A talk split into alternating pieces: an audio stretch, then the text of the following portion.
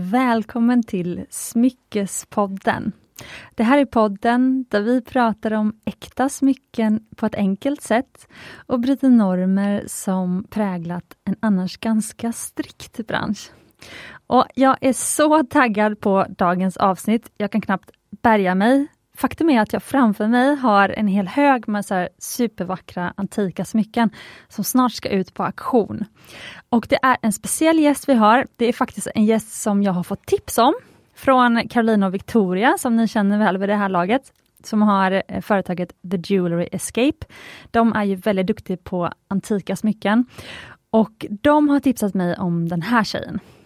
Hon heter Klara, Klara Kling och hon är intendent på Uppsala auktionskammare med huvudansvar för smycken.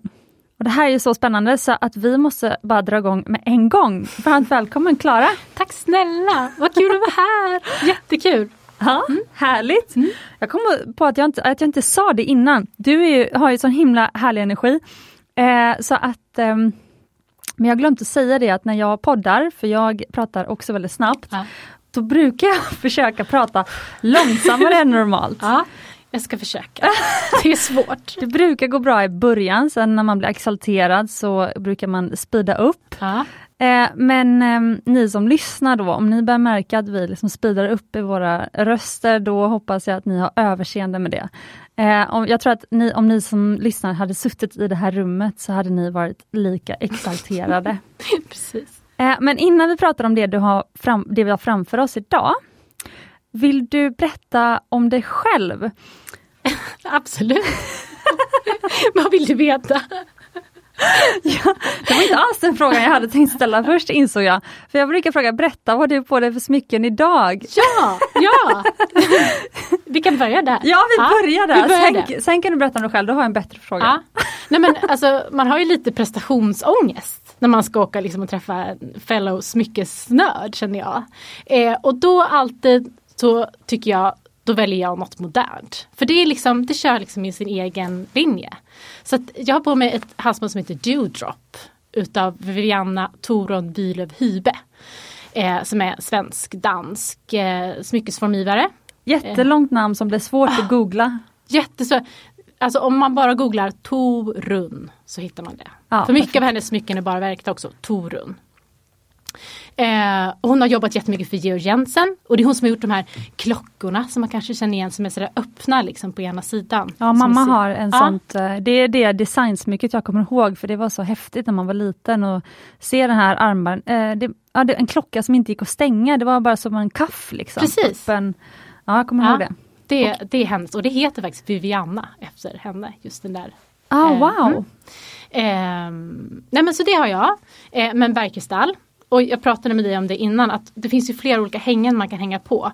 Eh, och drömmen är ju egentligen de här gråstenarna som, mm. hon, eh, som hon gjorde bland de första. Som man skulle kunna ha som är som silverinfattad gråsten bara som hänger i. Och de plockar hon på stranden med sin dotter. Oh, jag vet, är inte det så fint också? Det liksom tillför ju så, sån dimension till det tycker jag. Eh, så det har jag på mig och så har jag örhängena i samma serie. Och sen har jag min min förlovningsring och vigselring. Fast vigselringen har jag liksom den byter jag ut lite då och då. Höll jag på att säga. Jag byter inte kar, jag byter ring. Eh, så att jag, eh, nu har jag en, en hel alliansring med diamanter. Jättevacker. Ja, tack. Och de är i vitguld. Mm. Ja, med diamanter. Mm. Så de är ganska klassiska tycker jag det ser ut som. Ja, ja. ja men det På är håll de. i alla fall ser de klassiska ut. Ja, ja men det är klassiskt. Absolut. Mm. Och eh, det här halsbandet örhängena, om man ska beskriva det lite, det är alltså ett väldigt hårt eh, silverhalsband. Jag tycker nu när du säger att hon designade för Georg Jensen så tycker jag ändå att det är, jag ser Georg Jensen i de här halsbanden. Ja. Men sen så är det de här hängena med väldigt stora stenar och de är inte jag så vana vid att se på Georg Jensen. Nej, det är nog sant. Så det kanske var hennes varumärke då? Som ja, precis. Det är nog hennes, hennes grej liksom. Men de är väldigt så typiskt 60-tal tycker jag. Hela. Men just det här med hård, ganska tight halsring och sen ett hänge som hänger ner. Ja för det är spännande att du säger att de är moderna smycken och sen är de liksom vad blir det, 60 år gamla. eh, men vi tänkte att vi kan gå in på det senare, ja. vad som kallas modernt. Och... I, min, I min värld modernt. Ja. Um, men vad betyder smycken för dig? Oj, Gud vilken svår fråga. Um, alltså smycken är ju väldigt mycket, dels är det ju mitt jobb. Eh, världens roligaste jobb ska ju tilläggas. Eh, men, men smycken bär ju så himla mycket med sig för smycken har man ju, man har dem så nära kroppen och de är ofta så himla förknippade också med någonting som Ja men en, en viktig eh, tid eller en viktig händelse i livet. Så att eh, ja, det är många, många aspekter. Fint. Och har du alltid varit smyckesintresserad eller hur började ditt smyckesintresse? Alltså kanske inte alltid just smycken. Jag har alltid tyckt att det varit roligt med gamla grejer. Och alltid hållit på med, ja men jag har hållit på med vintage, jag har hållit på med, ja men köpt och sålt gamla pryttlar. Eh, så att allt som står ut lite har jag tyckt varit spännande och roligt. Och jag har ju hållit på eh, på Uppsala konstkammare och kikat mycket på, på hela hem. Alltså man har hållit på med allting, alltifrån konst och silver och möbler och mattor. Eh, men smycken är ju kul av så många anledningar. Så att när jag började med det så kände jag direkt att ja, men det här är kul. För det har liksom allt. Det har både stilhistoria, det har ju liksom också någon slags kvinnohistoria. Det har en, eh, berättar lite om hur man har umgåtts, på vilket sätt man har umgåtts. Det hänger ihop med, med kläder och mode. Och också att man kan oftast hitta de här grejerna. Alltså man kan hitta, man kan forska efter en liten stämpel, man kan hitta det och man kan liksom härleda, ja men det är den här guldsmeden, han jo, jobbade så här. Och det, det att det finns en, en, lösning på gåtan på många, på många sätt. Det, det är ju faktiskt jättekul. Ja, så smycket, smycket är så kul. Det har liksom allt. För de här stämplarna, då letar du inne i smycket efter eh, de olika, typ årtalsstämpel och Heter det guldsmedsstämpel eller vad heter Ja, en mästarstämpel. Ja just det, mästarstämpel. Mm. Mm. Och så. Precis. Och ganska ofta när det gäller, eh, man får säga då lite finare smycken som kanske har större infattade stenar och så. Då har oftast juveleraren också ristat in till exempel hur stor diamanten är, hur, hur, stor, alltså hur mycket safirer det är i till exempel. Så att man kan ju få reda på väldigt mycket information bara genom att kika på själva, ja, på, på insidan på stämplar och märkningar. Mm. Jättekul.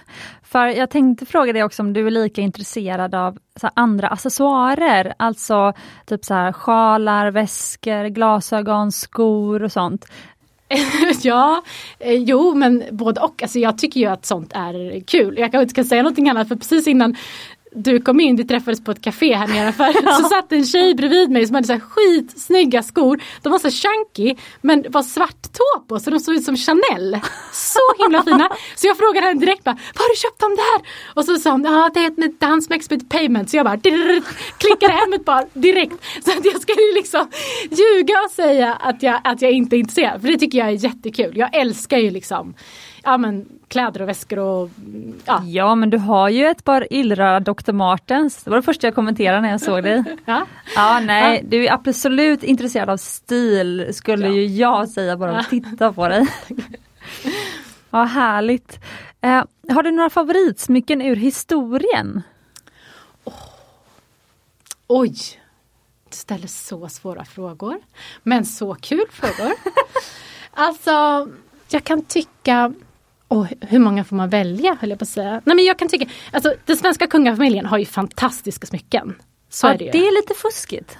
Ja. De det... ärvs in i, eller föds in i liksom en vacker smyckesvärld. Precis, och de äger dem ju faktiskt inte själva utan det är någon ah, form okay. av stiftelse tror jag som, som äger själva smyckena. Men ja, det är ju bara kungafamiljen som får använda dem. Eh, och då tycker jag ju faktiskt att alltså kronprinsessan Victorias det här eh, tiaran eller diademet som hon gifte sig i. Om ni vet om ni kommer ihåg det, det är stora kameler. Inte så himla trendy kanske egentligen. Men otroligt vackert och har då eh, tillhört drottning Josefina. Eh, som mycket av de fina smyckena som finns i svenska kungafamiljen kommer ifrån. Det tycker jag är ett helt fantastiskt smycke och passar så himla fint just på bröllopet med de här vita och de här rosa, mm, orangea kaméerna. Jag, gör, jag gör som alla lyssnare ja. nu, att jag googlar. Google måste alla se ja, vad det här är. Alla ska. Och eh, Victor, eller säga, Silvia hade samma. Eller hur? Ja, wow. Ja, det tycker jag är så, så fint faktiskt. Det ser ju nästan ut som en kungakrona. Ja, eller hur? Det är liksom mer än bara en tiara. Ja, det är så fint. Det är jättemaffigt tycker jag. Verkligen. Eh, så det tycker jag absolut är en favorit.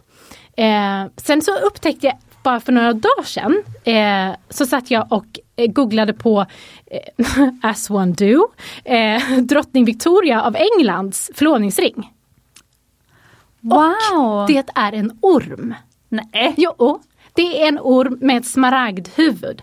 Så tufft.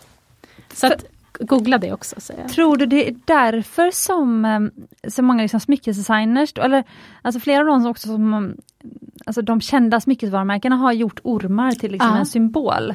Eller lite, lite så läskiga djur. Va, vad tror du det kommer Ja, ifrån? men, alltså, ormen har ju eh, varit en symbol alltså både för vishet och ondska, liksom sådär lurigt. det har väl varit liksom från, man tänker bibliska historien med Eva och ormen liksom. Men det har ju också varit en eh, symbol för evigheten. Det är liksom ingen början, inget slut. Så, så det tror jag, det är det som hennes förlovningsring står för, alltså en evighetssymbol, evig kärlek. Jag måste googla bättre inser jag. Eh, men det roliga är när jag googlar drottning Victorias i England, fast jag googlar vigselring, inte förlovningsring, Ja. då kommer ett avsnitt av Smyckespodden upp. Det var Men lite nej. kul. Okej, men för det känns ju inte så romantiskt med en orm känner jag. Alltså om man Nej. tänker på det Adam och Eva så, det var ju liksom eh, det blev nästan en synd eller? Precis, Nej, men, men ormen är ju liksom inte en, en symbol för det när det kommer till, alltså när man tittar på de smyckena. Alltså, åh, man börjar ju göra de här typen av Ja, men ormsmycken har väl funnits typ sedan renässansen kanske. Men, men som mest populärt under 1800-talets mitt. Och då symboliserade det inte någon slags obehaglig figur utan, utan symboliserade just evighet och evig kärlek. Och ja, ett av de smycken som jag har tagit med mig, jag vet inte om vi ska prata om det sen kanske, det är ju just en orm och är ju då en morgongåva från en, ja, en man till en kvinna. Lägg av, okej. Okej, men då förstår jag, för då överskuggar evigheten det här andra. Ja, precis. Okej, nej men för, jag vill bara gå in lite grann på din liksom karriärsresa. Eh, det är ju väldigt spännande och du är ju liksom relativt ung. Och ehm, jag tycker det är kul att veta liksom hur, alltså hur blir man intendent på, på en auktionskammare? Hur liksom hamnar man där så tidigt? Alltså jag som, nu har inte jag, men tack vare ska jag säga mm, Smyckespodden och tack vare Carolina och Victoria så har jag nu också börjat träffa lite folk i branschen som liksom eh, har mycket koll på ant, ant, antikviteter eller som är liksom i den världen. Och de är ju ofta mm, ja, men, åldern av mina föräldrar. Mm. Så att, så att du liksom stämmer inte överens med den liksom, eh, ja och du är också, också du är ju en sån person som jag tycker är liksom eh, kanske kommer vara den som kommer få liksom, eh, antiksmycken att slå igenom precis som vintagekläder har gjort. För du är ju lite så här cool och hipp och liksom ehm, Ja men jag tycker liksom att du kanske kan bli en fanbärare då. Tack snälla. Men det Wow. är kul att liksom veta hur din liksom karriärsresa har sett ut. Jag tjuvfrågade lite på Ja. kaféet, Ja. men du får låtsas att jag inte Ja, frågade. nej men du får rösta. Nej men jag ehm, Alltså jag hade ju inte alls tänkt mig egentligen att jag skulle jobba med det här. Utan jag hade tänkt mig att jag skulle bli någon slags kanske beteendevetare. Jag läste psykologi och liksom sådär. Men sen så höll jag på hela tiden och köpte och sålde på sidan om liksom för att gå runt egentligen. Så På att jag, Blocket eller? ja, Blocket, Tradera, på olika auktionshus. Då var det kläder. Ja, kläder, prylar, konst. Eh, Jag höll på liksom, whe- wheelade och dealade med massa olika prylar. Alltså. Ja, verkligen. eh, men jag tänkte liksom inte att det var något man kunde jobba med. Så det var kanske när jag var 23, 24 så kom jag liksom på på något vis att men gud det finns faktiskt människor som jobbar med det här. Det finns ju folk som gör det här roliga liksom hela tiden. Um, så då tänkte jag så här, att, ja, men jag provar, jag ger mig själv ett halvår. Um, det kan jag inte göra så mycket liksom, från eller till tänkte jag. Jag läser konstvetenskap, ser om jag tycker att det är kul och ser om jag kan få något jobb i branschen och liksom prova på helt enkelt. Eh, och då eh, började jag först läsa då konsthistoria. Så himla roligt. I Uppsala I eller? Uppsala. fantastiskt. Alltså jag tycker alla borde läsa konstvetenskap A. För det är, det är så allmänbildande och så himla kul bara att, bara att läsa. Så fantastiskt. Eh, och då började jag också, då gick jag ner och sökte jobb på Uppsala konstkammare. Och då var ju vi ganska så små. Eh, och jag gick dit och jag fick eh, komma på intervju nere i någon källare och liksom sådär. Eh, och fick jobb och började liksom från botten verkligen. Eh, som de flesta gör i, i min bransch. Man börjar med att hänga tavlor, springa små ärenden. Eh, och det där liksom ökades på. Sen fick man mer och mer ansvar, fick göra roligare och roligare grejer. Och lärde sig också mer och mer. För att när man jobbar på ett auktionshus så blir man helt genomsköljd utav föremål. Man får se så otroligt mycket grejer. Och det är det man lär sig på. Det gäller att se så mycket saker som möjligt, att känna på så mycket saker som möjligt. För det är då man ser skillnaden på det som är bra, som är dåligt, på det som är falskt, på det som är nygjort, på det som är, har liksom en riktig patina som inte har en riktig patina. Alltså, det gäller att se så mycket som möjligt. Så ditt tips dem, nu blir det en liten ja. passus, då, hold your thought, för att du skulle fortsätta. Men det är ditt tips då kanske till någon som vill lära sig mer om det här, det är kanske då att liksom gå och scanna av och liksom omge sig med så mycket, så mycket som möjligt. Absolut, absolut. Se så mycket som möjligt och pillra så mycket som möjligt. Gå på auktionsvisningar, be att få kika på grejer. Bläddrar alla de här nätauktionerna, kolla på så mycket som möjligt. För det är då man får koll och feeling. För det är det det handlar om. En känsla av att det här är bra eller det här är inte bra. Mm. Eh, mm. Så, så började det.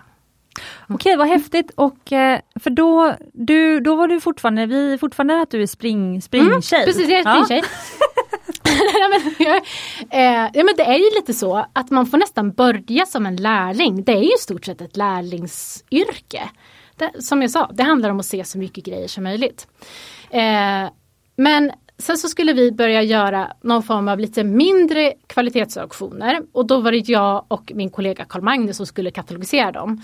Eh, och då blev det liksom jag vet inte om det var för att han var kille och jag var tjej men det blev så att jag började ta katalogisera smyckena och tyckte att det var så himla roligt. Det var ju liksom det roligaste av Och alltihop. han tog silvret? Han tog silver, alltså Carl Magnus då körde silver och möbler eh, och klassiskt konsthantverk och jag körde konst och smycken och ja. Och, och silver i auktionsvärlden, det är gamla skedar och så eller vad är silver? Ja det kan vara gamla skedar men framförallt kanske det är pokaler Eh, andra typer utav eh, silver, silverkannor, stop, eh, gräddkannor.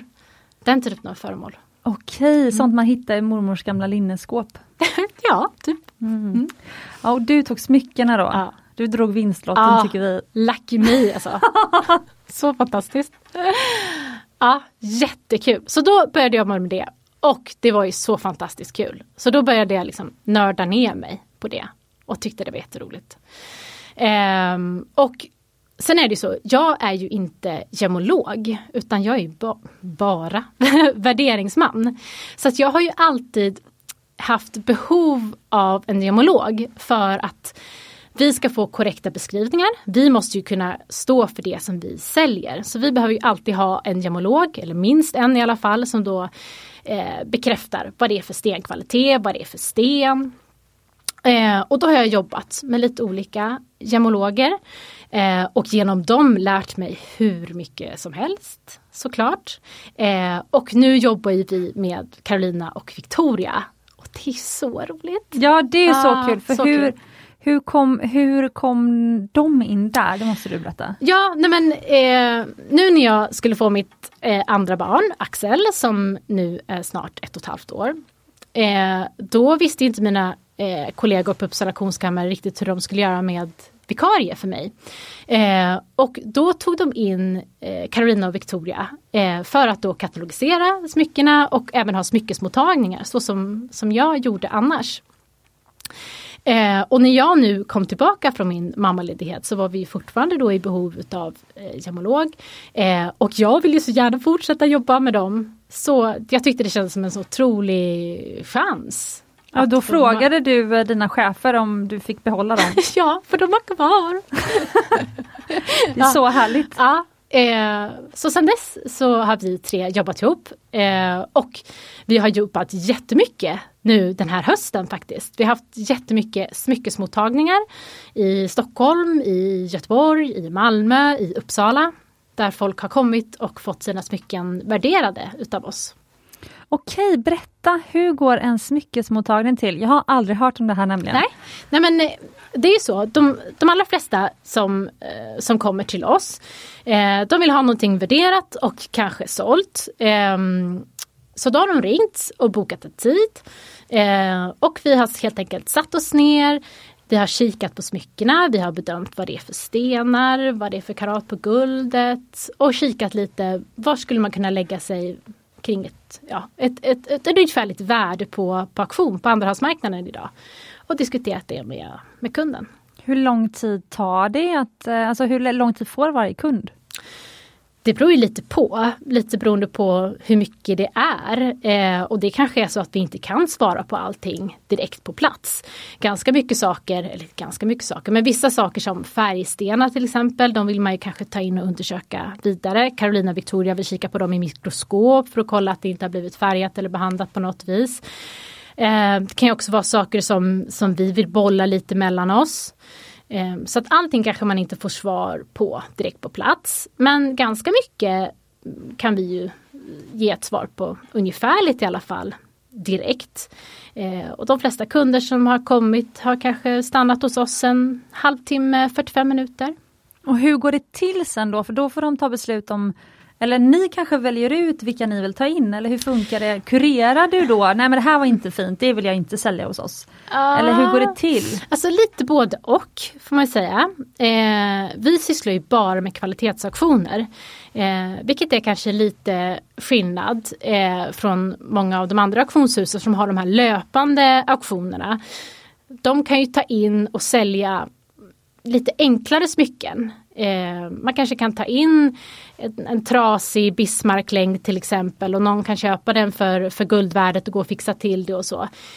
Så kanske inte riktigt vi jobbar utan vi vill bara ha in kvalitetsföremål. Eh, och det behöver inte betyda att det ska vara superdyrt.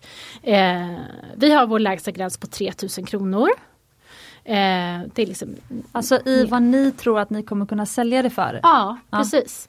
Så att på våra kvalitetsaktioner då, då har vi oftast ett utropspris då som ja, de, de, de lägst värderade föremålen kanske börjar då på 3-4 tusen. Det är utropsintervallet. Och sen kanske upp mot en 30-35 tusen.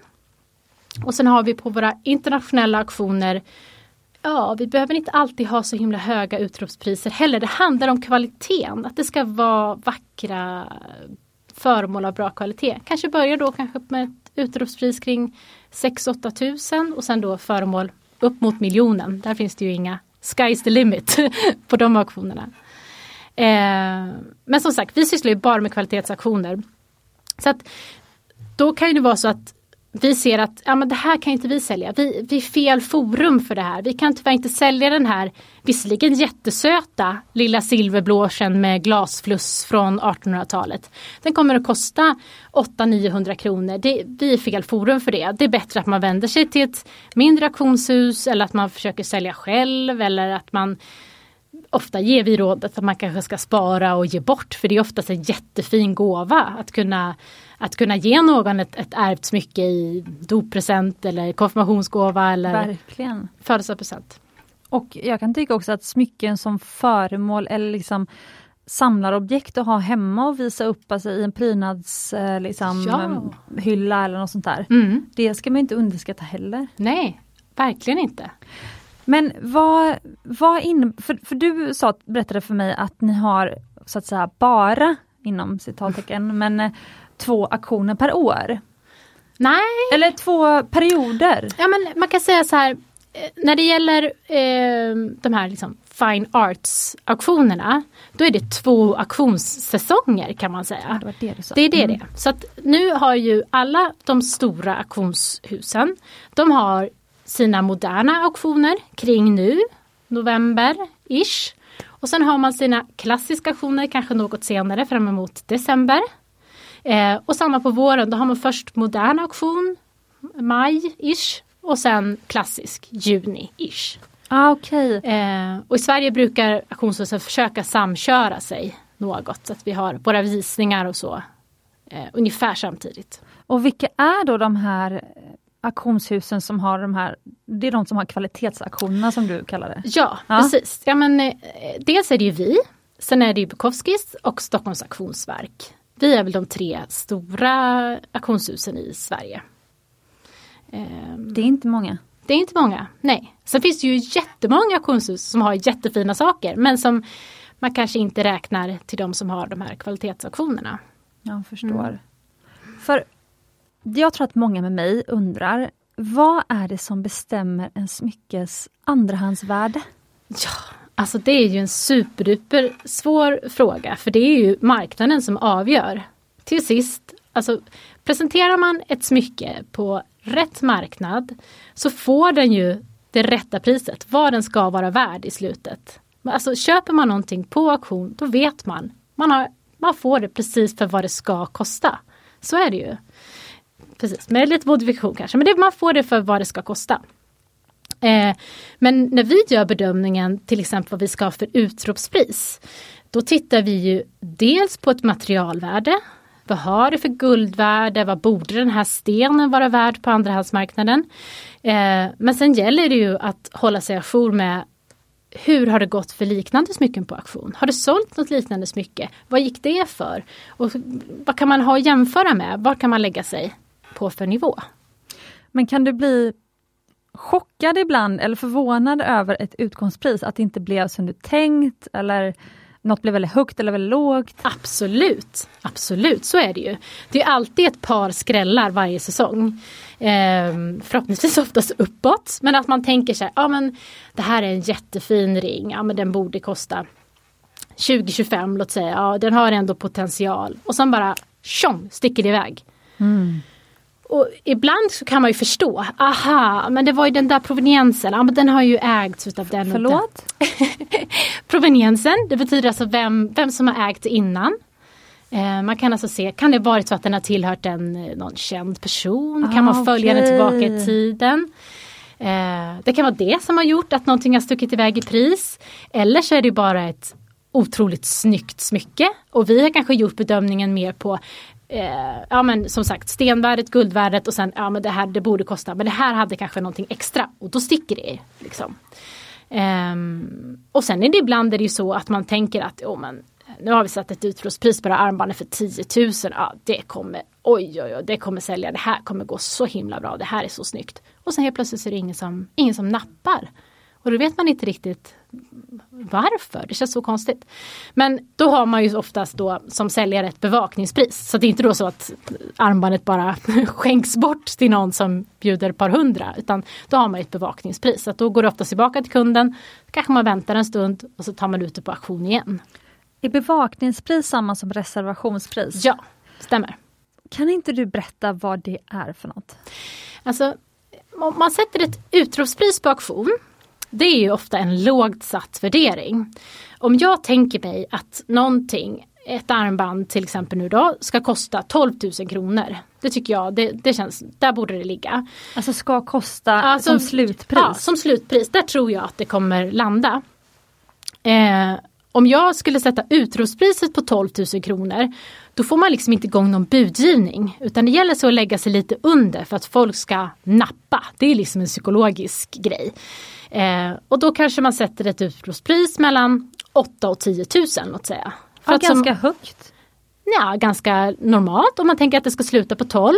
Ja, ganska hög procentuell, okej. Okay. Ah, så, så lägger jag så här ett utrop mellan 8 och 10. Då ah. finns det många som liksom vill hoppa på tåget och börja bjuda.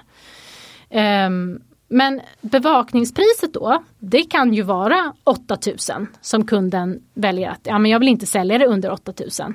Men vanligtvis så ligger bevakningspriset på 80% utav nedre utrop. Det är eh, det vanliga. Alltså att det, alltså den första som har budat har redan nått upp till det? Ja, alltså om, om den som bjuder börjar med att lägga ett bud på 7000, låt säga, på det här armbandet då, då, är det oftast, då är oftast bevakningspriset uppnått redan. Ja precis. Ja. Okej, så att man sätter ett eh, ut utropspris Mm. som är högre än bevakningspriset? Ja, så, så gör vi i alla, i alla ah, fall. Okej, hur kommer det sig? Nej men alltså utropspriset det är den här lågt satta värderingen. Bevakningspriset sätter ju säljaren eh, och säljaren kan ju själv välja att inte ha något bevakningspris. Man vill bara bli av med grejerna. Men man kan också välja att ha ett bevakningspris som är på till exempel då 8000. Att man vill inte sälja under den nivån.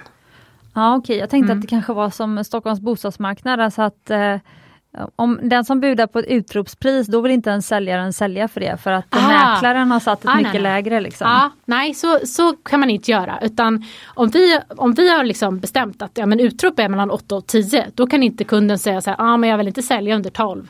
Då är det Ja, okej. Då kan vi inte ta emot det, då kan vi inte hjälpa till. Liksom. För om jag tittar på um, ja, men Bukowskis till Mm. exempel, eller möbler och sånt. Mm. Jag tycker det är ganska ofta som budgivningen är igång Mm. och det har varit flera bud men reservationspris är inte uppnått. Precis. Så de tänker annorlunda då? Nej, de har samma. De har sitt, då, är, då kanske det är så att de har en byrå då, vi sa samma prisnivå, att då har de kanske en bevakning på 8. Eh, och så har budgivningen börjat på, på 5000 och så 6000. Men man är fortfarande inte uppe i, i bevakningen. Nej precis. Gud nu kanske Ja, alla krångligt. lyssnare fattat utom jag men man kan väl jag som- inte buda under lägsta utrop? Jo, på, Aha, okej. alltså på, på online-auktionerna så går det ju oftast att lägga bud under, under utropspriset. Ah, och då är det många som försöker, som kollar, vad ligger bevakningen, vad kan jag få det här för, för som billigast? Liksom. Men är det någon gång som budgivningen slutat under bevakningspris? Mm. Det som jag kallar reservationspris, Ja, men det är reservationspris, samma ja. sak då. Eh, så om, om budgivningen slutar på det så kan man ändå sen välja, eh, nej men jag kan tänka mig att sälja för det. Är det någon gång som det är så? Ja, det kan väl vara, alltså det kan ju vara så att man efter en auktion ser, man, man pratar med säljaren och så frågar så här, men kom det några bud? Liksom. Ja men det kom ett bud då på på 7000 kronor men din bevakning var ju på 8. Aha, men kan du inte kolla med den köparen då och se om de vill köpa? För jag kan tänka mig faktiskt att släppa den för 7 liksom. Då kanske man kan komma överens om sån efteråt men det är inte speciellt vanligt. Nej, jag förstår. Inte något som brukar hända. Utan man har ju kommit överens om det och då brukar ju säljaren vara ganska inriktad på att det är det här priset. Och det är oftast det priset också som vi tycker att kunden borde få ut för det är där Ja men det är liksom ett minimipris att där borde det kosta om man inte ska liksom gå, gå, gå back höll jag på säga på guld och stenvärde. För den som då lyssnar och, och tänker, men jag har ju några smycken hemma och det kanske jag ska sälja på auktion. Ehm, hur ser fördelningen ut mellan liksom auktionskammaren och, för att man, ni köper ju väl inte smycket av kunden? Nej, så Nej. smycket är kundens ägo. Ja. Och sen så säg att det hamnar på 10 000 då. Ja. Hur, hur fördelas sen? Eh, ja, det, ja, det är ju lite olika. Dels på vad man säljer på för auktion och lite hur mycket man säljer kanske. Vi kan säga på våra internationella kvalitetsauktioner så är en vanlig provision som vi tar ut eh, 18,75 procent. Alltså det är en krånglig procentsats för det är 15 procent plus moms. Så Det det, var ganska låg. ja, så att vid, en, vid en försäljning så tar vi 18,75 procent för vårt arbete. Så ser det vanligtvis ut. Och sen får kunden resten? ja, Oh, wow, okej. Det var ju bra. Ja, vad skönt att du säger det. Och hur går det till då om man, om man vill sälja via er till exempel? Tar man Ja. kontakt med dig då eller? Hur? Ja, det gör man. Antingen så ringer man mig eller så skickar man ett mail. Eh, så oftast bokar man in en tid och träffas. Ibland kanske man kan kika på någonting via bild bara. Man kan mejla mig en bild till exempel. Då kanske man får ett ungefärligt värde. Men man kan i alla fall få ett hum om ungefär vad marknaden ligger för sitt smycke. Eh, men man är jättevälkommen att ta kontakt med mig. Det tycker jag är jätteroligt såklart. Och det gör man på mail? Man gör det på mail, antingen på mitt efternamn kling uppsalaauktion.se eller på smycken uppsalaauktion.se. Det är bra. Jättekul! Mm. Okej, och nu ska vi gå vidare till något som jag tycker är spännande. Jag Tada! bad nämligen Klara att ta med sig ett gäng av de smyckena som ska... Oj, nu slog jag i min data här. Eh, jag bad nämligen eh, Klara att ta med sig ett gäng av de smyckena eh, som ska upp på auktion nu ganska snart. Jag har såklart tagit underbara bilder eh, så att de kommer synas på Smyckespoddens Instagram. När det här avsnittet är ute, så kolla där. Eh, men jag tänkte också att jag skulle gissa eh, hur eh, mycket de är värda. Och sen så får eh, Klara då säga om jag gissar rätt eller inte. Så kul! Eh, och sen ska jag också säga, det här vet, visste inte Klara om, men jag tog med mig lite Mumbai-smycken. Och ska jag värdera? Ja, det jag ska... tänkte det, att det, det låg en sån smyckesask, jag tänkte gud nu har hon någon lurig baktänk. Ja. Ja. Så du ska sen få värdera andrahandsvärdet på några av våra Mumbai-smycken. Oh, Okej, Eh, det tycker jag ska bli lite spännande och läskigt. ja. jag med. Okej, Ja. men ska vi börja med då de här eh, underbara auktionssmyckena. Mm. Eh, då får ju du, ska vi ta ett smycke i taget så kan du beskriva det. Ja. Ja, Vart vill du börja? Ska vi börja med den här? den som ligger närmast. Ja. Det är en underbar jättestor solitärring. Den är helt fantastisk. Det är alltså en, en, en, en ganska klassiskt fattad, prinsessfattad, briljantslipad diamant. Prinsessfatta betyder? Den har sex klor. Ja, Ja. Eh, den har sex klor och den är lite, den är typisk liksom 60-70-talsring. Det säga att den är nästan lite triangel i Jag formen. tycker den ser, ut som, den ser ut som en tiara i fattningen. Ja, lite så. Ehm, och det är en briljantslipad diamant på dryga 2 karat. Jag tror den är 2,03. Eh, färgen är River. Och den är alltså VS. Den är nästan inga inneslutningar. Det är väldigt små inneslutningar. River är ju bland det vitaste diamant man kan ha. Ja. Är det D eller E? Mm, nu ska jag dubbelkolla. Den är eh, E tror jag. Okej. Mm. Den är faktiskt beskriven som DE i sitt certifikat. Har den certifikat? Den har certifikat. Okej, för det är det vilket, vilket institut? Eh, oj, det har jag inte med mig certifikatet nu. Men det är inte GIA eller? Men det är jo, något lik. Ja, det kan nog vara JA som har det.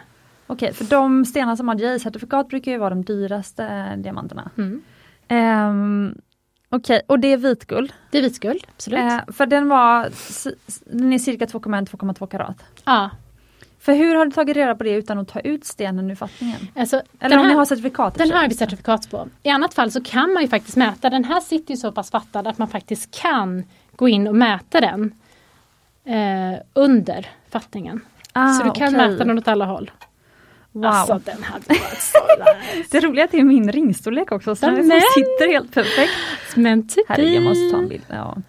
Eh, jag tycker det här är helt underbart. Ehm, jag har ju aldrig haft på mig en briljantslipad så stor sten faktiskt. Nej. Jag gjorde en tvåkaratsring en gång, eh, men det var en oval tvåkarat. Ja. Ja, den är så maffig, men den ser nästan oäkta ut för mig, för den är så, alltså jag, man är mer van att se liksom kubik zirconia som är så här stora Ja. än en äkta diamant. Mm. Eh, så att, eh, ja, den är liksom overklig för mig. Eh, men jag vet ju bara som om jag skulle göra en ny sten, eh, förlåt, en ny solitärring, alltså om jag skulle göra det för Mumbai, Ja. eh, som är över två karat. Mm.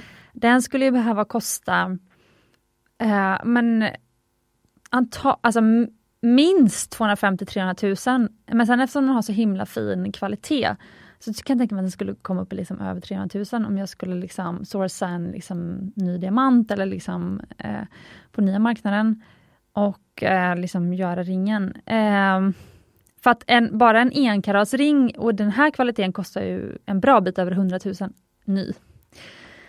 Så på andrahandsmarknaden kanske mm, 150 att den liksom är värd det ja.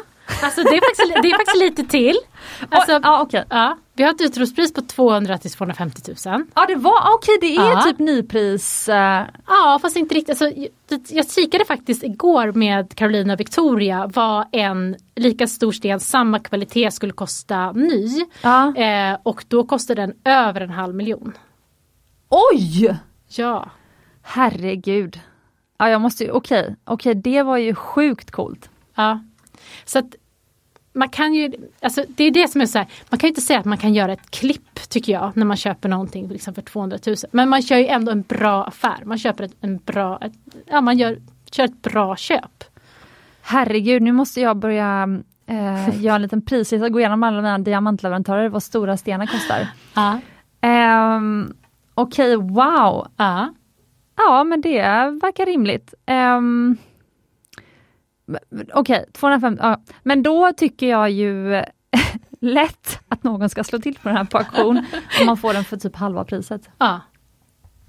Ja okej, okay, mm. då har jag skämt ut mig nu. Nej, du har inte alls skämt ut dig. Men det var, tyckte jag var en bra, för det är också så här, för det är att den är så otroligt fin, alltså kvalitet, att ja, färgen precis. är så. Jag menar, hade den här nu gått ner mot eh, liksom Top Cape Cape, då hade den nog kostat där. Då hade den nog legat kring kanske 100-150-ish.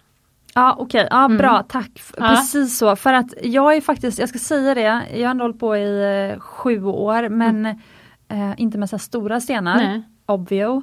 Eh, men det är ju det, jag blir, jag blir alltid lika förvånad över hur otroligt stor skillnad det är på dels olika färger, mm. alltså just graderingen om det är en DE eller om mm. det är liksom en, eh, vad blir det, kanske en G eller mm. H. Så kan det skilja liksom jättemycket pengar, speciellt på så här stora stenar. Sen även på slipningen. För jag skulle faktiskt igår, igår äntligen, det har varit, jag, mina diamantleverantörer har försökt leta efter två trillianter, alltså trillion-slipade tri, triangelformade mm -hmm. diamanter. Och de är så otroligt svåra att få tag på för nästan ingen slipar den triangelformen. Eh, och sen så fick jag, sen så hittade de äntligen ett par som var, nu ska vi se, det var E, VS, mm. så den näst högsta färgen ja. och så VS, ja men typ samma kvalitet som den här då. Ja. Eh, men det var inte i närheten av samma pris som om det skulle vara briljantslipade. Nej.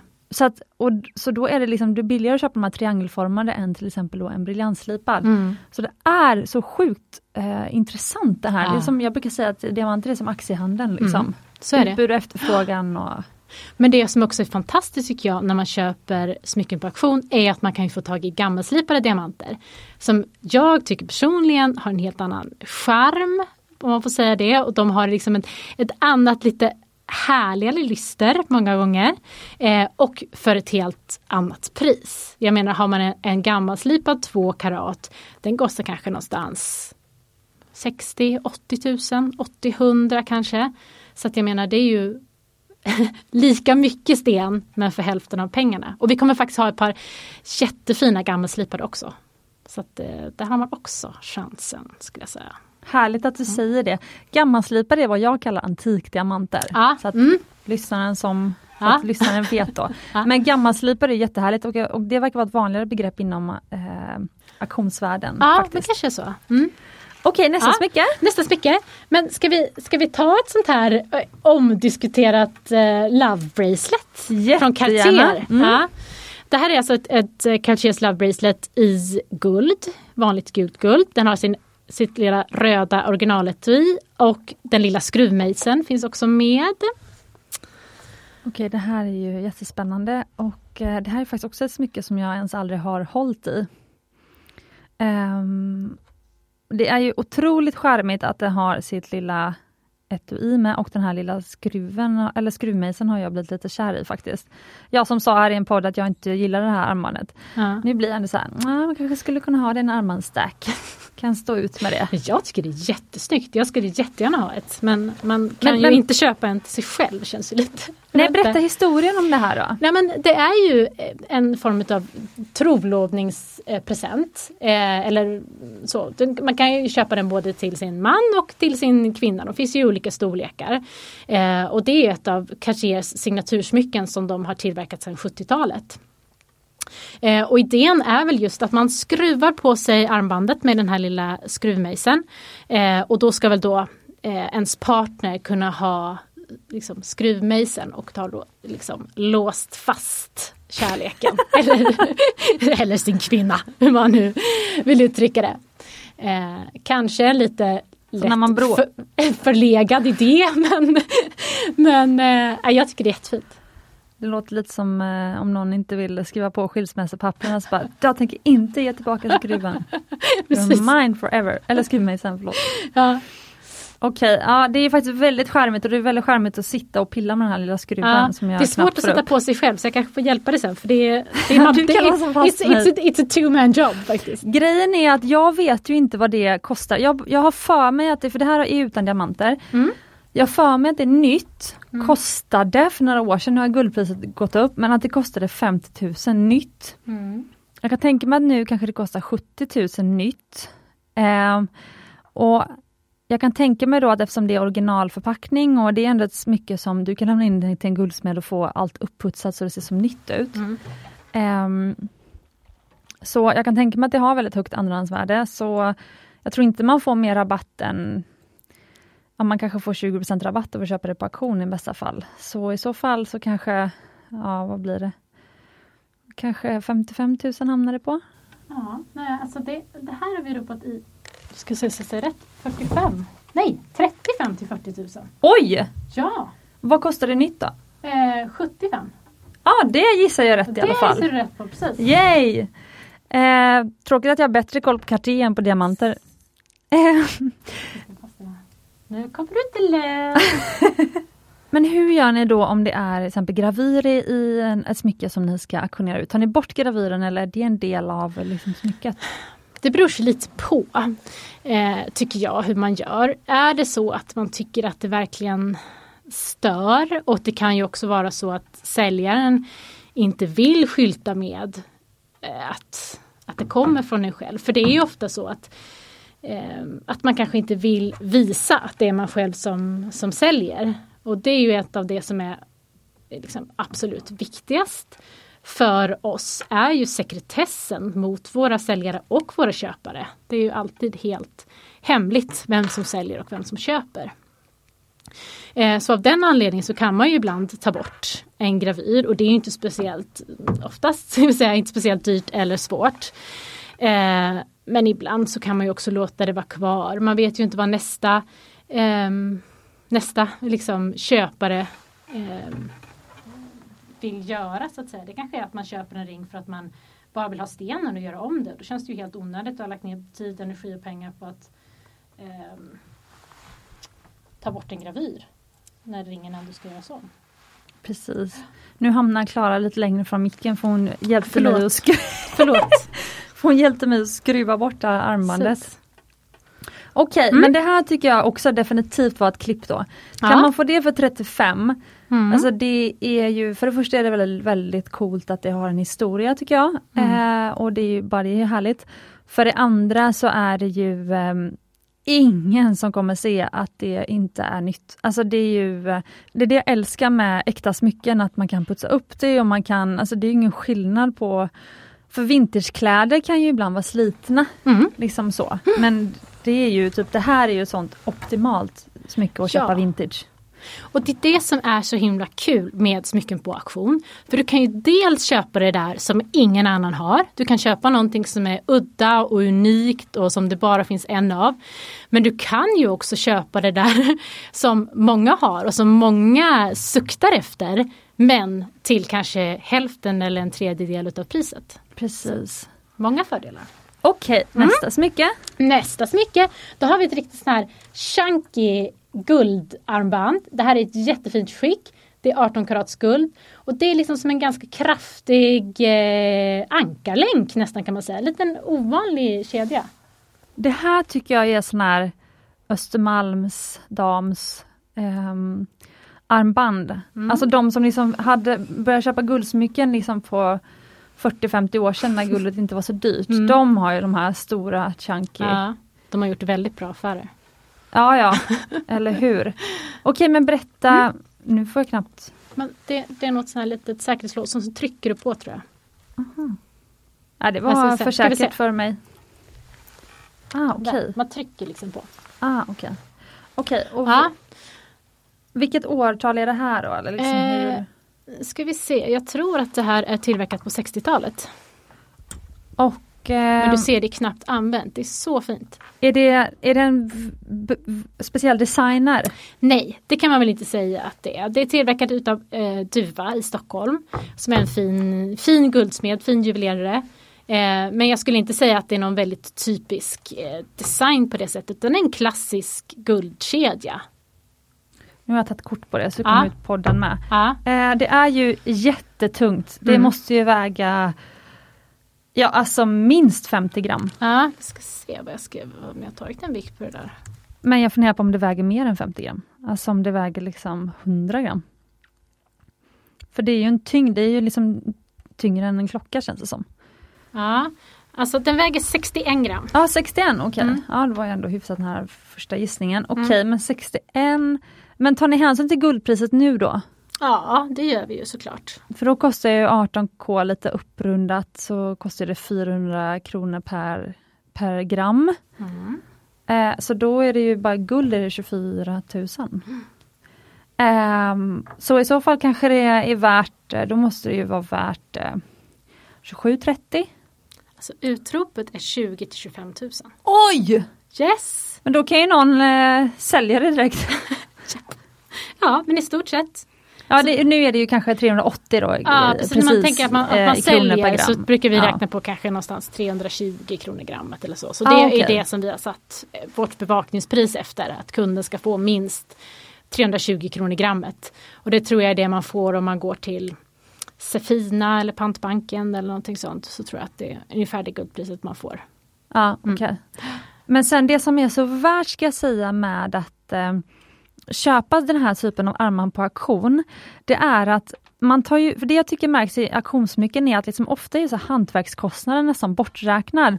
Så om vi på Mumbai skulle göra det här till exempel, då alltså varje ögla måste lödas ihop för hand. Det här är ingenting som liksom görs av maskin. Eh, och då är det ju, ja det är i alla fall 25 öglor, eh, 25-30 ugglor då som går runt hela eh, armbandet. Och eh, det tar ju en guldsmed, ja men det tar ju flera timmar att göra det här armbandet. Ehm, och sen ska det putsas och så ska liksom, alltså det är väldigt mycket jobb. Så att göra det då för hand och liksom, eh, liksom hos en svensk guldsmed, alltså det skulle ju kosta, behöva kosta 50 000 antagligen. Mm. 40-50 som Mm. nytt. Mm. Eh, så att liksom det är det här som är riktigt coola med vintersmycken, att alltså Ja, alltså att jag tycker verkligen att man kan göra klipp för att så här, hantverkskostnaden är liksom borta. Absolut. Så eh, ja, så också om man då lär sig som konsument, om man liksom lär sig att så här, se när något är det här är liksom handgjort, Mm. då är det ofta väldigt mycket mer värt än vad priset, auktionspriset liksom, priset säger. För att, att, att återskapa samma smycke skulle vara jättedyrt i liksom med moderna löner. Absolut, och jag tänker så här, om, om jag ska sätta ett försäkringsvärde på det här, vad skulle det här kosta om man skulle behöva gå och köpa det här eller tillverka det här? Jag menar då räcker ju aldrig 20-25 tusen Nej. utan då, då rör det sig om kanske någonstans Jag skulle kunna tänka mig ett försäkringsvärde kring 70-75 Ja ah, okej, ännu Ja. mer, wow. gånger tre ungefär. Ja det är i för sig sant, det är Mm. sant. Produktionspriser gånger tre, det är väl eh, rimligt, det är sant. Okej, vad ska vi ta nu för godbit? Oh, då tar vi den här tycker jag. För den här är så ljuvlig. Det här är ett litet hänge. Från tidigt 1800-tal. Det är alltså en, en lite större dropp, eh, droppformad eh, diamant i mitten och sen är det mindre äldre slipade diamanter runt omkring. Tillverkat under tidigt 1800-tal. Eh, baksida är guld och diamanterna är fattade i silver. Vilket är väldigt vanligt att man, att man gjorde. Eftersom guld är svårt att fatta in diamanter i eftersom det är så pass mjukt. Va?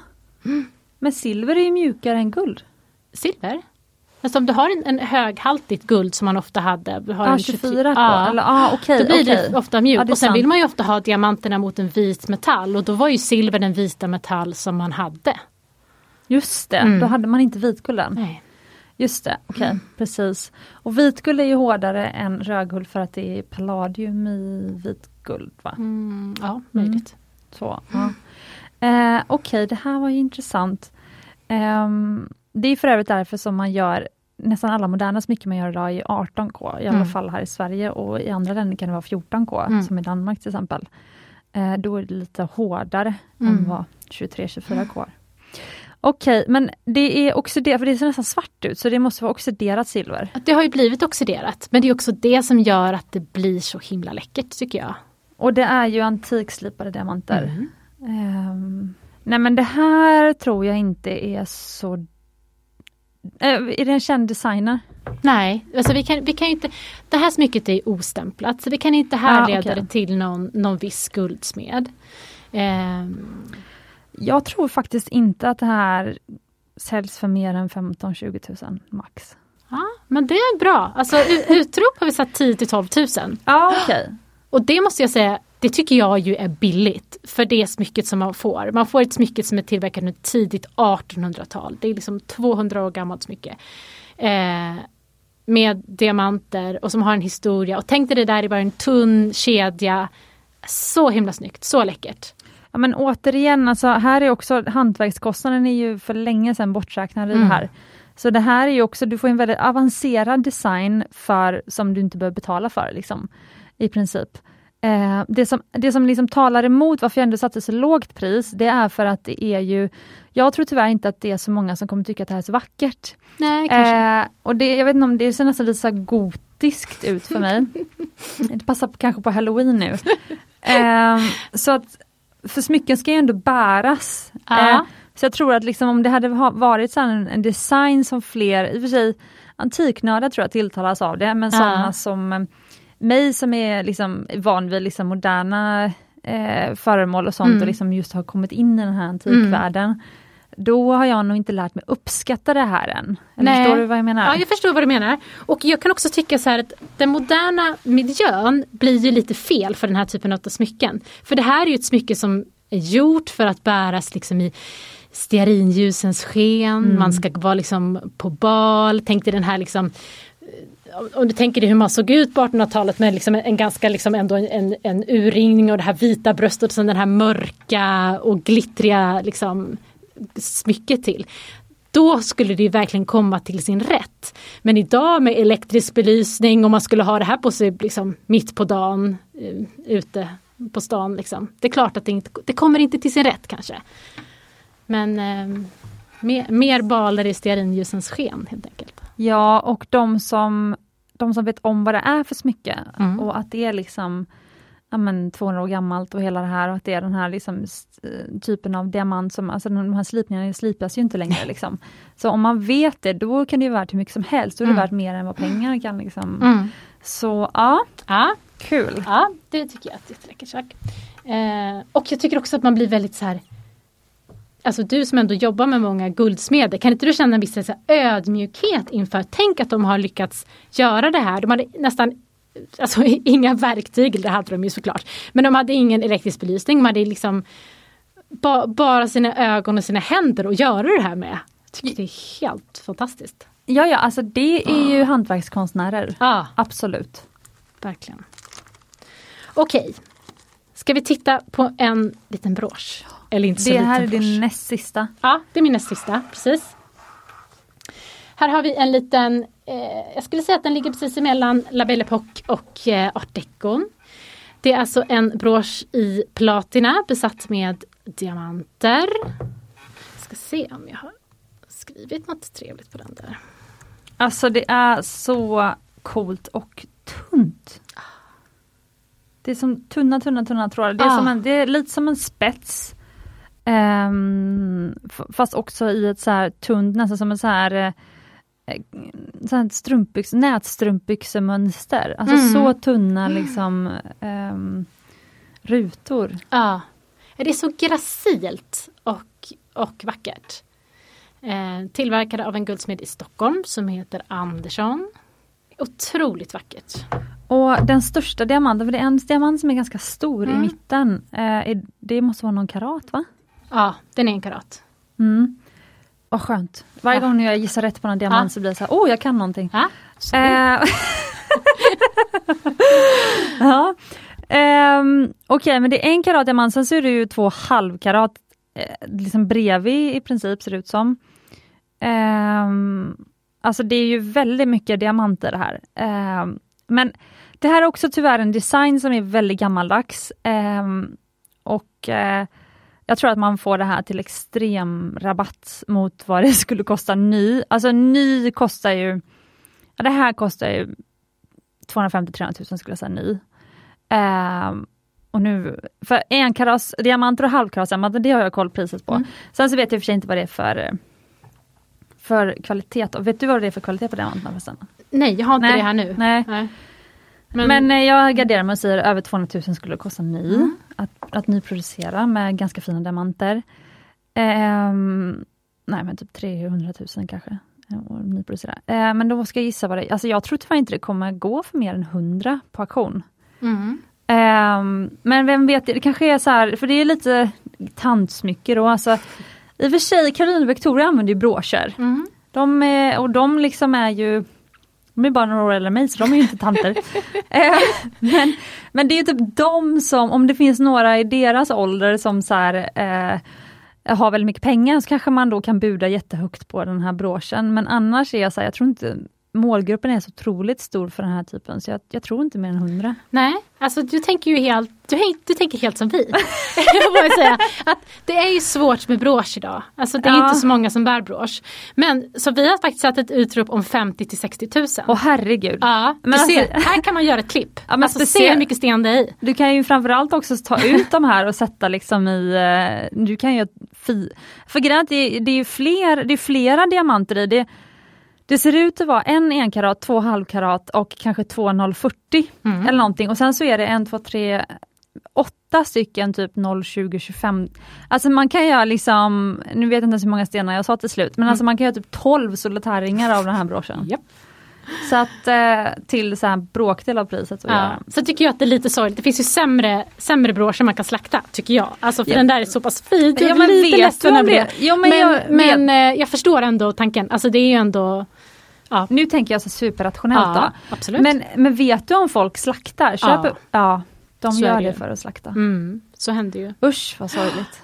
Ja fast vissa saker tycker jag, det är det som är härligt också med smycken, att det kan faktiskt få ett nytt liv. Att Ja. man kan gå och plocka ur en sten och göra om det och så har man ju gjort i alla tider. Så att, men vissa saker som jag tycker är så liksom vackra och som är i så god kondition som det här är, det tycker jag är lite sorgligt att, Ja. man, att man slaktar. Men, men Man vill att det ska gå till rätt person Ja. som sparar det.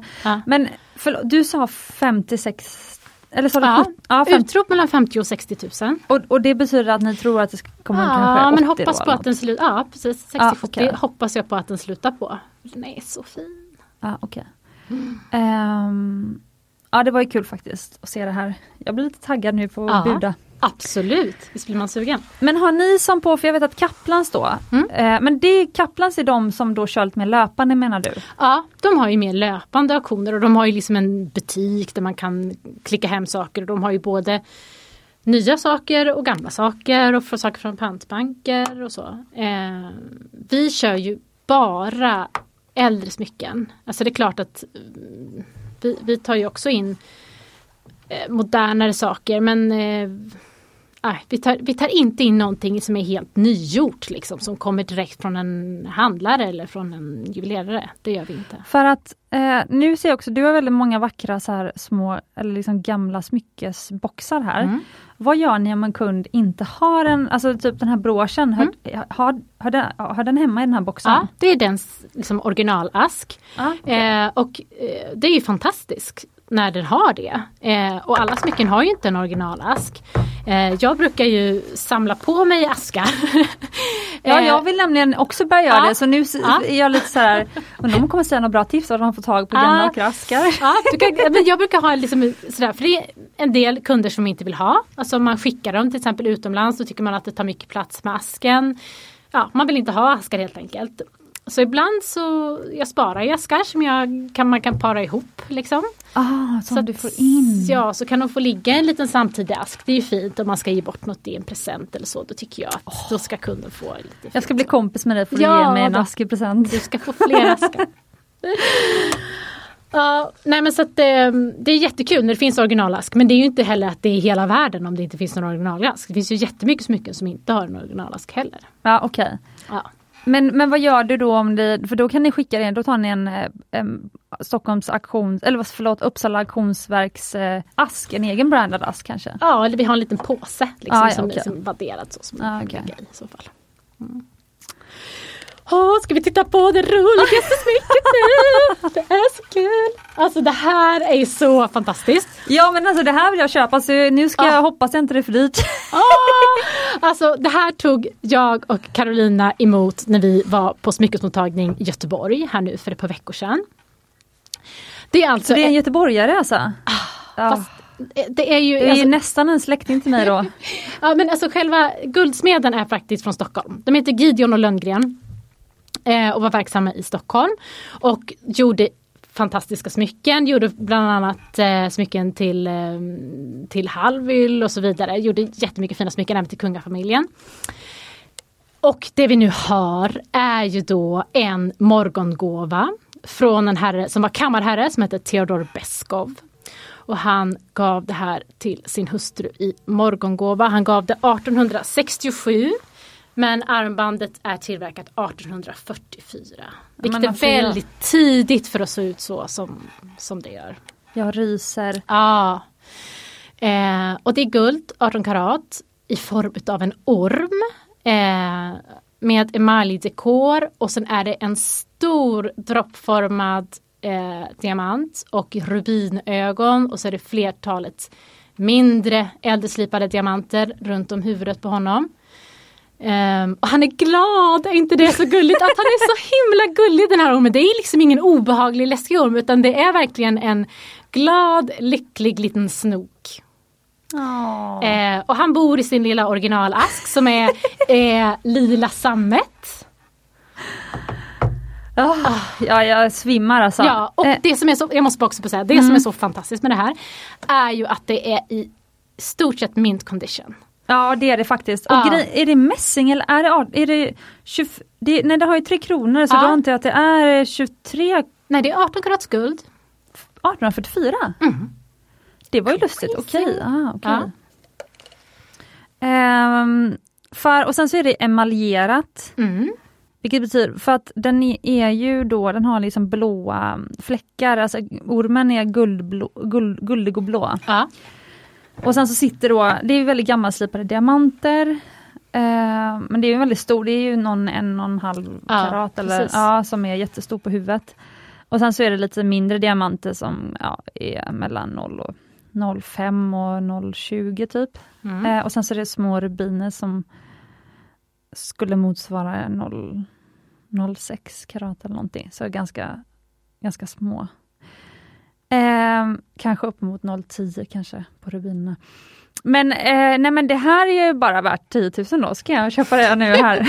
men, eh, nej men usch, grejen är att det här är så snyggt och så coolt och så modernt och ändå gammalt. Eh, men jag tror att det här kommer säljas för 80-90 000.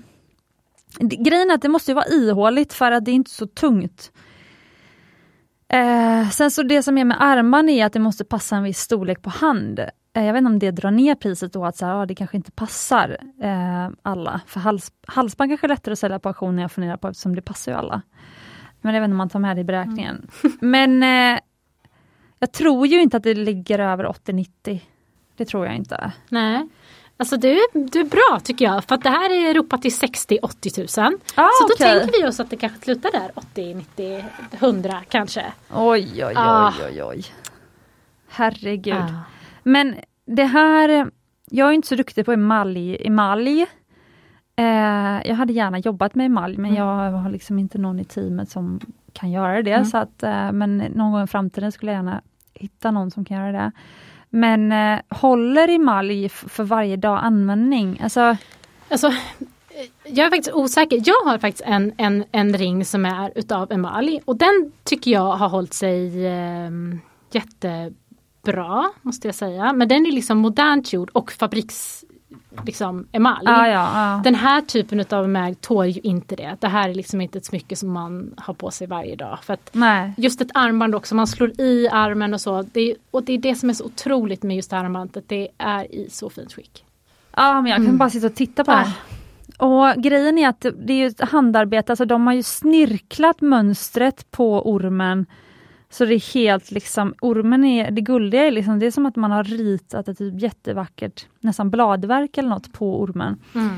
Eh, så det här är helt magiskt. Mm. Eh, men grejen är att det här tycker jag ju är ett smycke och ett konstverk samtidigt. Jag hade, om jag hade då burit hem det så hade det fått liksom sitta på prime spot på någon vardagsrums liksom, hylla. Absolut. Men tänk dig här att du, att du har det i sin lilla originalask ja. bara som en sån glaskub kan man ju ha runt så det blir nästan som en sån ah, installation. Ja. Ja! Och så var det många, alltså, om man tänker på Fabergés smycken som ofta var just som små konstverk. Om du tänker på Fabergé-äggen, han gjorde ju Just små det. ramar och så. I de här lite finare då, ryska familjerna, då var det ju, jag ska inte säga att det var vanligt, men man kunde ha nästan som ett litet presentationsskåp där man då ställde upp alla sina vackra liksom, smycken eller dosor och så som man hade och visade upp. ja. Det borde vara en trend man startar igen. Eh, nej, just det, eh, precis. Eh, Alltså, jag blev helt, jag sitter Mm. bara här och tittar på det här armbandet.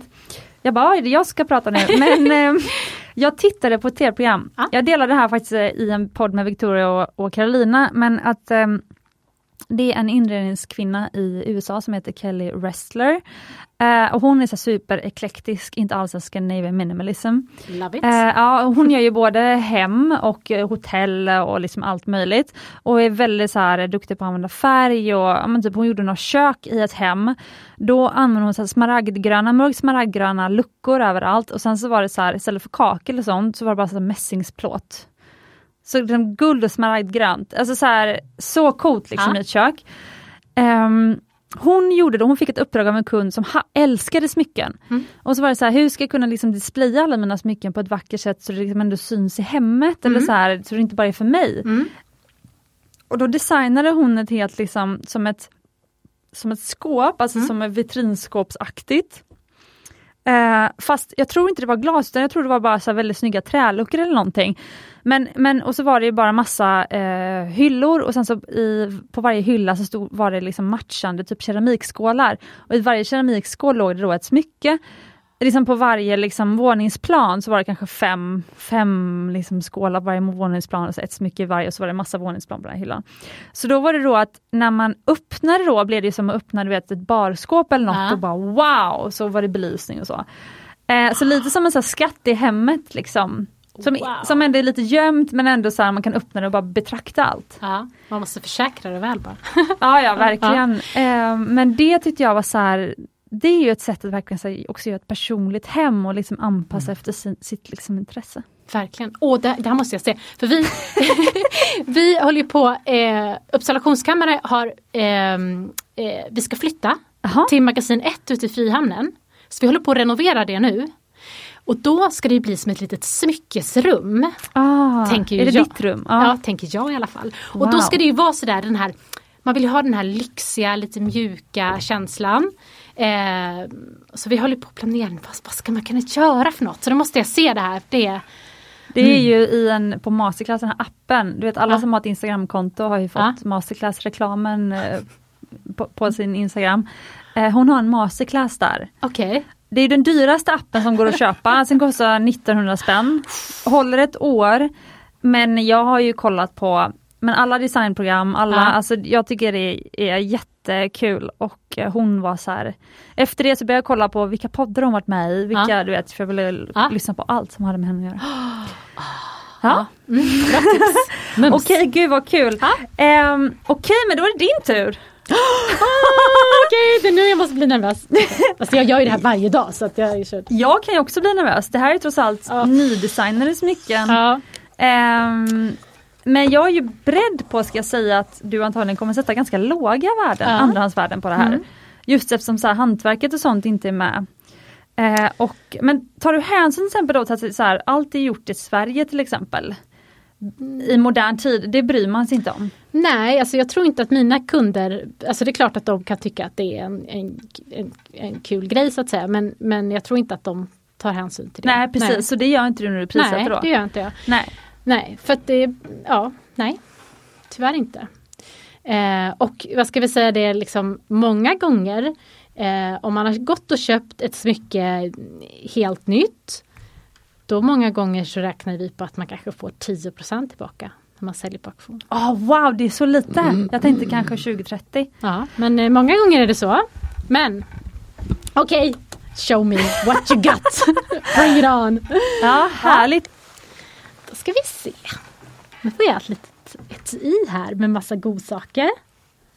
Okej, jag börjar längst ut. En, en hel allians. Vill du visa, nu filmar jag lite grann Ja. jag kan lägga ut på Instagram. Kolla här. En, en hel alliansring. Det är mini Kelly ring för den som vill kolla på eh, online eller på hemsidan. Eh, och det är stenar med jättefin kvalitet. Eller, ja, de är fina. Så ing, inget står på dem som jag kollade på nu.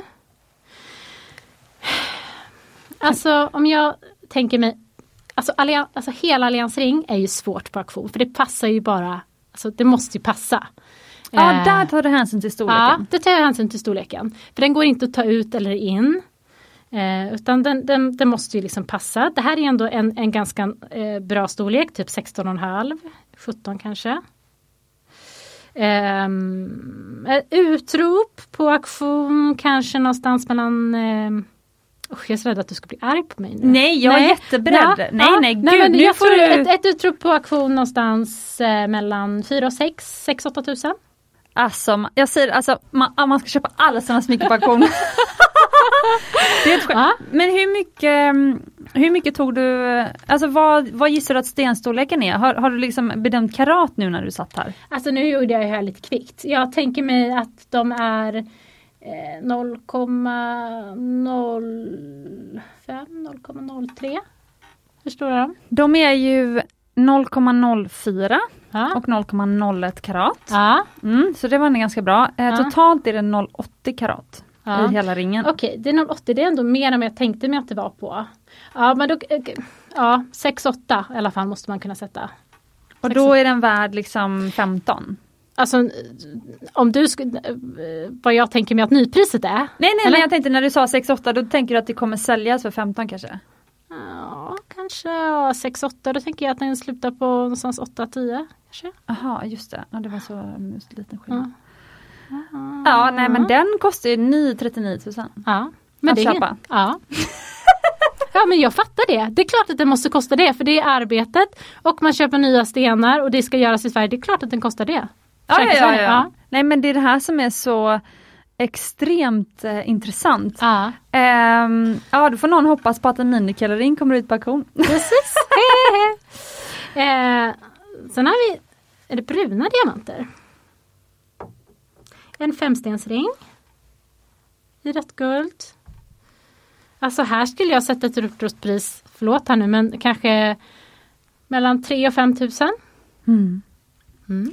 Eh, det är ju, vi kallar det ju för mörk choklad, Ja. eh, alltså Oh, diamanterna. De- så de är så väldigt bruna. Ja. Ehm, vad sa du, 3 och 5 och då tänker du att den kommer sluta på Fem- 6 och Ja, 6, 5, 5, 6 ish. Ja men det var ju ändå för att den kostar 18 990. Ja.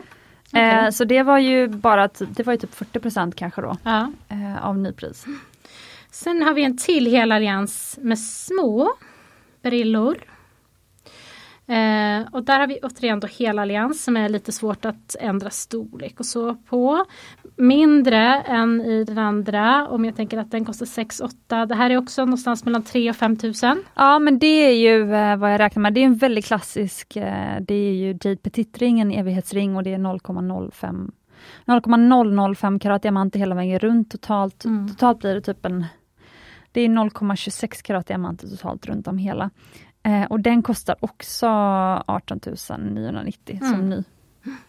Men då kan man tänka sig att det är ju typ en tredjedel av priset som jag tänker mig att det slutar på. Precis. Ja. Eh, precis. Mm. Men det var intressant att du nästan satte samma pris på den som på den som hade 0,80 karat. Ja. Eh, men det visar ju ändå hur liksom eh, Ja, jag tycker att det säger, det är intressant det här. Jag tycker att det är, är, är liksom ja, talande. Mm. Men då måste du berätta mig vad du har för en god bit här i mitten. Vad gissar du? Jag gissar att det är någon moissanit eller någonting. En topas? En topas är det. Ser du inneslutningar? Ja det är något där. Vad är det för något? Och det här är då en solitär ring med en halo runt, så det är en Mm. Vit topas och sen så är det en halo av små, små diamanter. Och Mm. topasen är smaragdslipad, ganska stor. Precis, jättesnygg tycker jag. Precis. Kan du sätta karaten? Nej, inte på den här. Men kan den vara två och en halv? Fyra. Är den fyra karat? Ja, fyra till fyra och en halv, det beror lite på slipning och så. Eh, men eh, själva topasen är det. Men topasen väger den har ganska hög densitet. Ah. Så topas väger ju som om det varit en akvamarin hade den vägt tre, hade den vägt tre karat, exakt samma storlek. Ja, Så topas har ju hög densitet. ja. Mm, du ser här är min brist att jag inte är gemolog. Ja det är en jättevacker ring. Och sen har vi diamanter runt omkring. Men om jag ändå bara tänker, för då börjar jag fundera så här, okej. Okay, det här är ju en jättesnygg ring och den här ehm, eh, finns ju många köpare på. Den här är liksom många som kan ha, den är lätt att ta in och ut. I storlek ja. Ja, ja den är, det är mycket lättare än EVS-band. ja precis.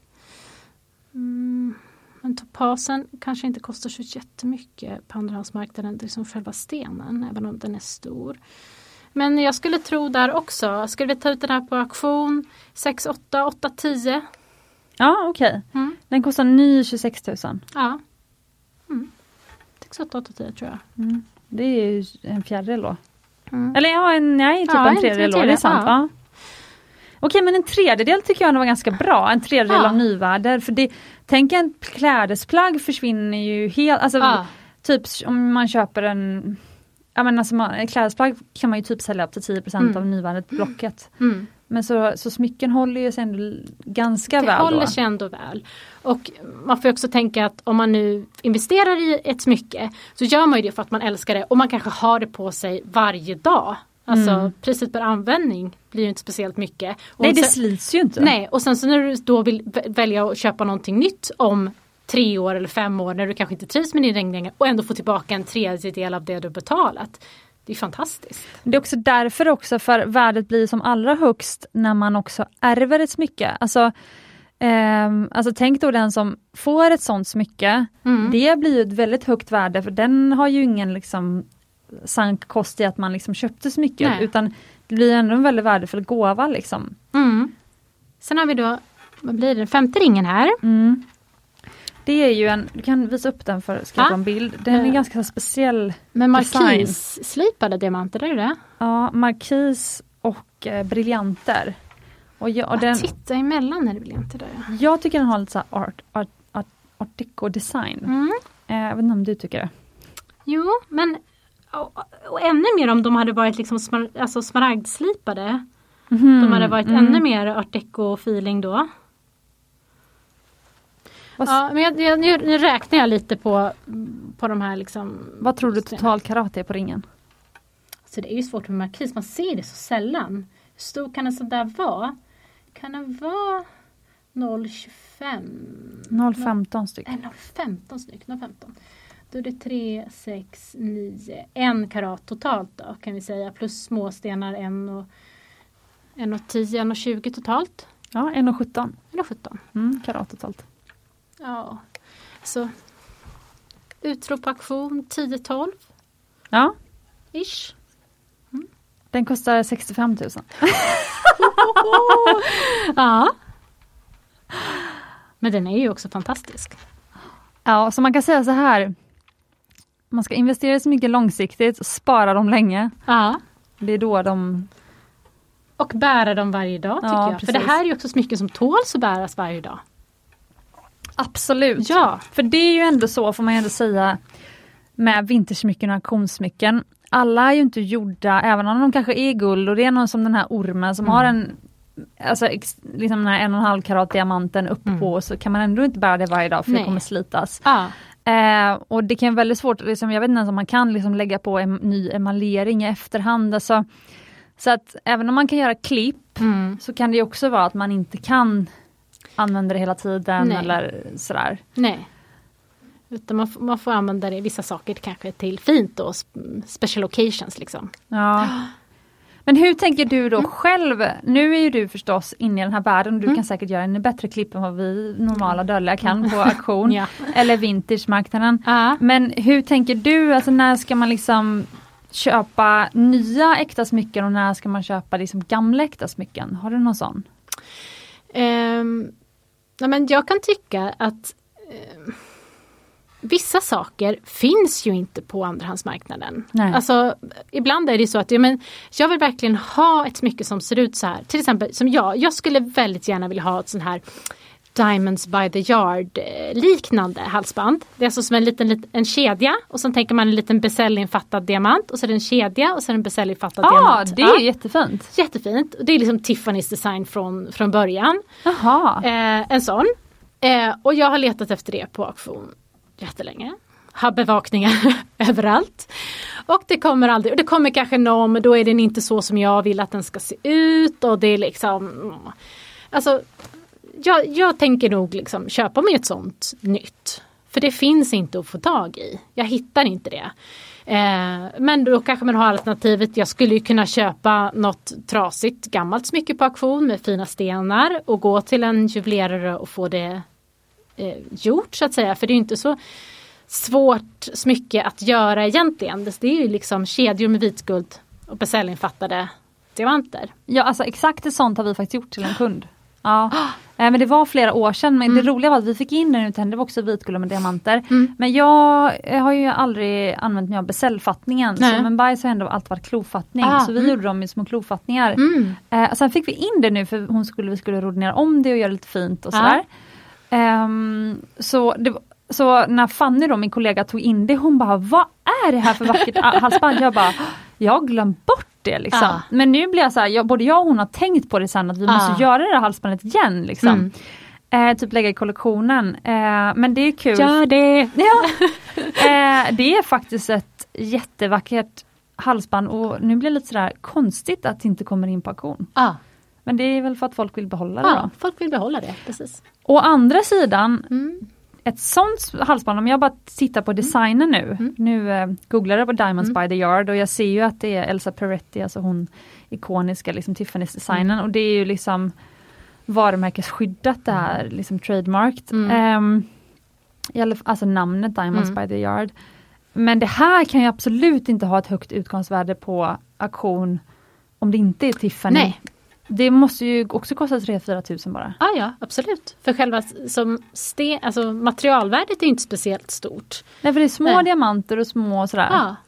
För nytt så behöver ju det kosta, jag kommer inte ihåg vad, vad jag sålde det till uh, den kunden men nytt mm. kommer det ju kosta 20 i alla fall. Ja mer. Ja, alltså jag tror, ja men det beror på storlek på diamant och ja, storlek på kedja och så. Mm. Men ja minst 20. Mm.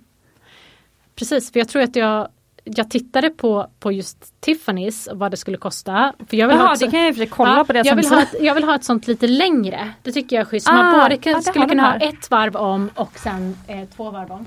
4000 dollar. Och det var inte är, det, är det Tiffany's egna? Ja. Nu är jag här inne. Titta.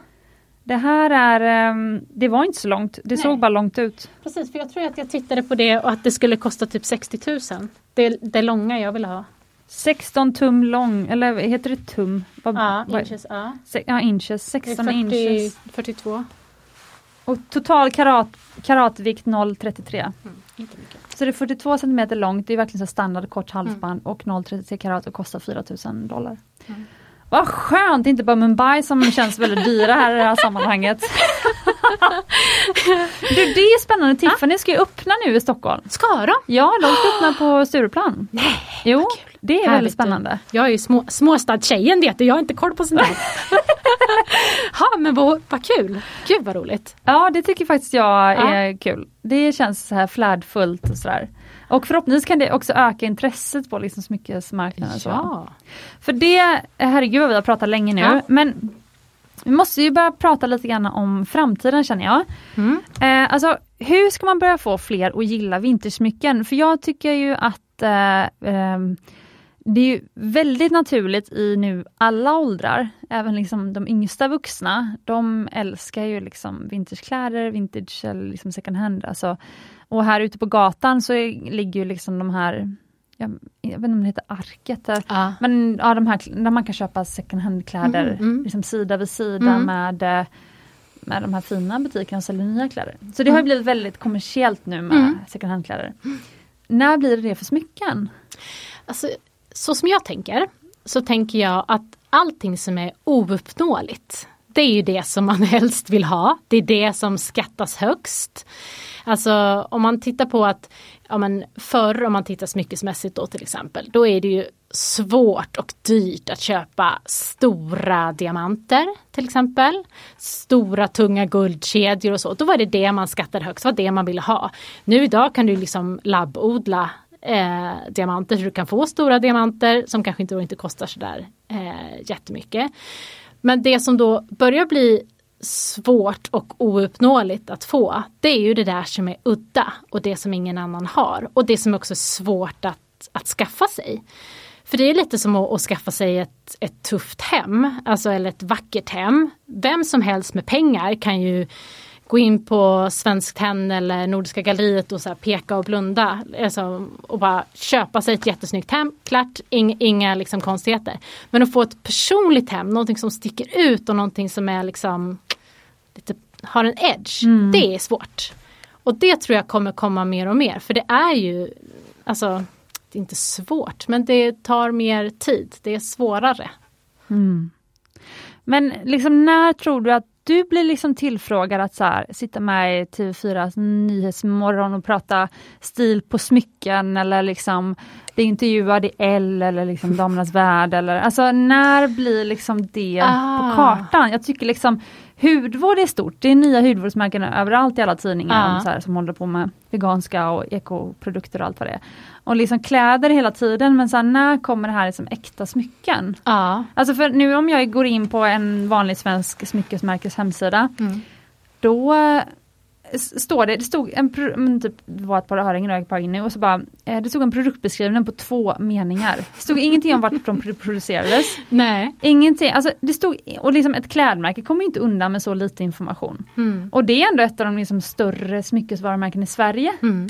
Så jag är liksom så, här, jag är så förundrad över att smyckesbranschen liksom är så långt efter all ja. annan liksom, konsumentmedvetenhet. Ja. ja, jag förstår hur du tänker. Men jag tror att det kommer med arbete som till exempel med din podd och med liksom folk blir ju mer och mer intresserade och upplysta om var alla deras föremål kommer mm. ifrån och vad man har för bakgrund och hur är någonting tillverkat. Det, det tror jag absolut. Um, men eh, ja, det är svårt att säga när förändringen kommer att ske. Men jag tycker att det är på god väg.